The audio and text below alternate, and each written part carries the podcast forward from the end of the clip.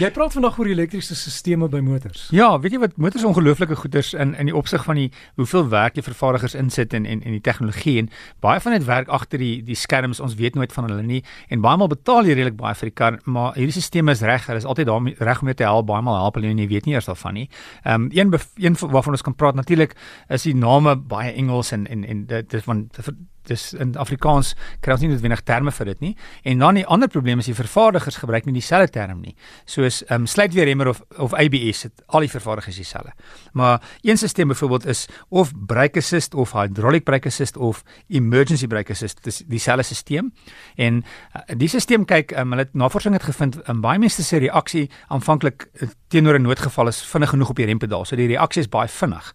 En dan rem hulle of nie hard genoeg nie of hulle dink weet jy wat is nie nodig om so hard te rem nie.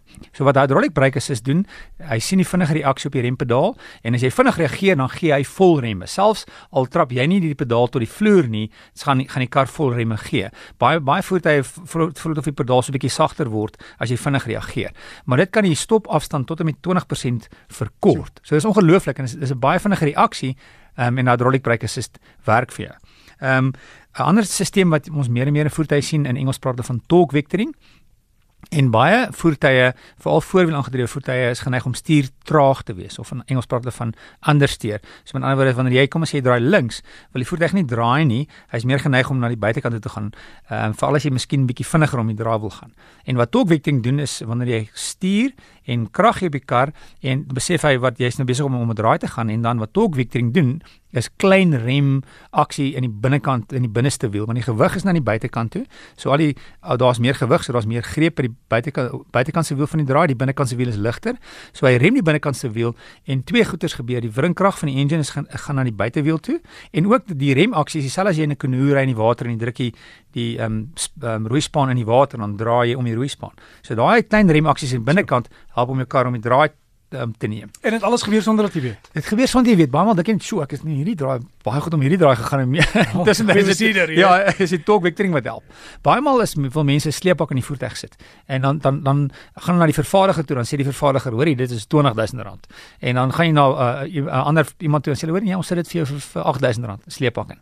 Maar die rede hoekom die vervaardiger se sleepbak so duur is, is dit sluit iets in wat hulle praat wat hulle noem trailer stabilization. Ehm um, so 'n nuwe kar moet jy nie net sommer uh, pas op om iemand net in 'n elektriese stelsel ingaan want hy hy die, die karre is nie noodwendig meer is baie meer gekompliseer. So wanneer jy trailer stabilization het, sodra jy jou sleepwa um, daai krag van die sleepwa in die voertuig inprop, dan sien hy dadelik okay, wel hy weet nou hier's 'n uh, sleepwa of 'n woonwa wat ook al en dan wanneer um, kom ons sê dit gebeur dat jy die woonwa nie reg gepak het nie en al die gewig is agter. Um, ek het um, de, en dan wat gebeur sodra die gewig of, of te ver agter of voor is, gaan daai sleepwa as die spoed hoor raak jou jou voertuig um, onstabiel maak. Jy kan die voertuig rol of om omswaai en sodra dit gebeur, dan sien die trailer stabilization dadelik wat gebeur en jou die fulcrum of die middelpunt is jou sleephak. So wat hy dan doen is dan sal hy jou twee voor voor wiele en die voorremme in die voertuig meer gebruik om die voertuig te stabiliseer. So wanneer die trailer nie reg gepak was nie en dit 'n gevaarlike situasie is, kan trailer stabilization jou voertuig nou reg regmaak of of dit keer. 'n uh, Ander een wat wat ons meer en meer sien is is hulle praat van secondary collision brake assist.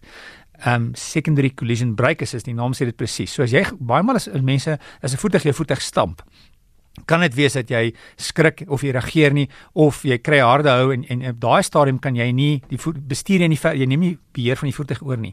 Sodra daar harde stamp is, sien jy dadelik daar's 'n harde stamp en onmiddellik begin die remme die voertuig rem. So die die noodligte gaan aan en die en die die remstelsel begin rem sodat jy nie 'n tweede ongeluk het nie. Want baie maal kan hy jou stamp in die verkeer in of sê maar ehm um, van die pad af. So sodra daar ongeluk is dan plaas dit die remme. En die laaste stelsel vir vandag is iets wat ehm um, Mercedes-Benz die eerste keer in Alfa Rookie ehm um, bekend gestel het en hulle praat van iets wat hulle noem pre-safe.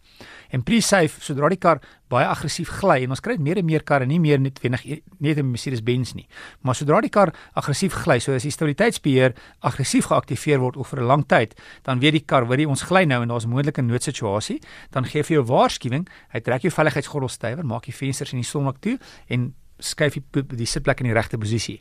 Ehm um, en ek sien nou onlangs het Mercedes Benz en ek het dit nog nêrens anders gesien nie, iets wat hulle noem pre-safe sound. So wat gebeur is, ehm um, wanneer ehm um, 'n ongeluk is daar ehm um, daai klank is ongelooflik hard en dit kan jou middeloor seermaak. Sodra daar die kar begin gly, is deel van die pre-safe, dan speel hy 'n klank in die s- 'n klankstelsel. Dis soos amper soos hulle praat van white noise. Dis so, So hy neutraliseer dit wat inkom. Hy neutraliseer, so met ander woorde daai white noise klank ehm um, beskerm dan jou binneoor vir die vir die moontlike klank in 'n ongeluk. Wow, ongelooflik. Dankie Nico en as jy enige navrae vir Nico het, e-pos my dan stuur ek vir man d@rsg.co.za of dalk idees vir volgende gesprekke. Dan het, het Queen Elizabeth jou in die hande gekry. Sy sy vra Archie het 'n nuwe babasitplek nodig. Ja, ek sal 'n bietjie ek sal haar gebel as ek na huis toe ry. Ek het- ek het ek ja. Ek vra my Nee, net, ek sal ja, En- ja, en hoe solank- oud die solank- baba wees om so- goed te Ja, gebruik? solank Archie Isofix gebruik is hy Ja. reg. As jy sê dit 'n dierkar sal jy kan Iets wat pas by die kar. Nico Solank die koning net nie meer ry nie. sê vir groete, ons sal een van die dae kom vir tee. Dis reg.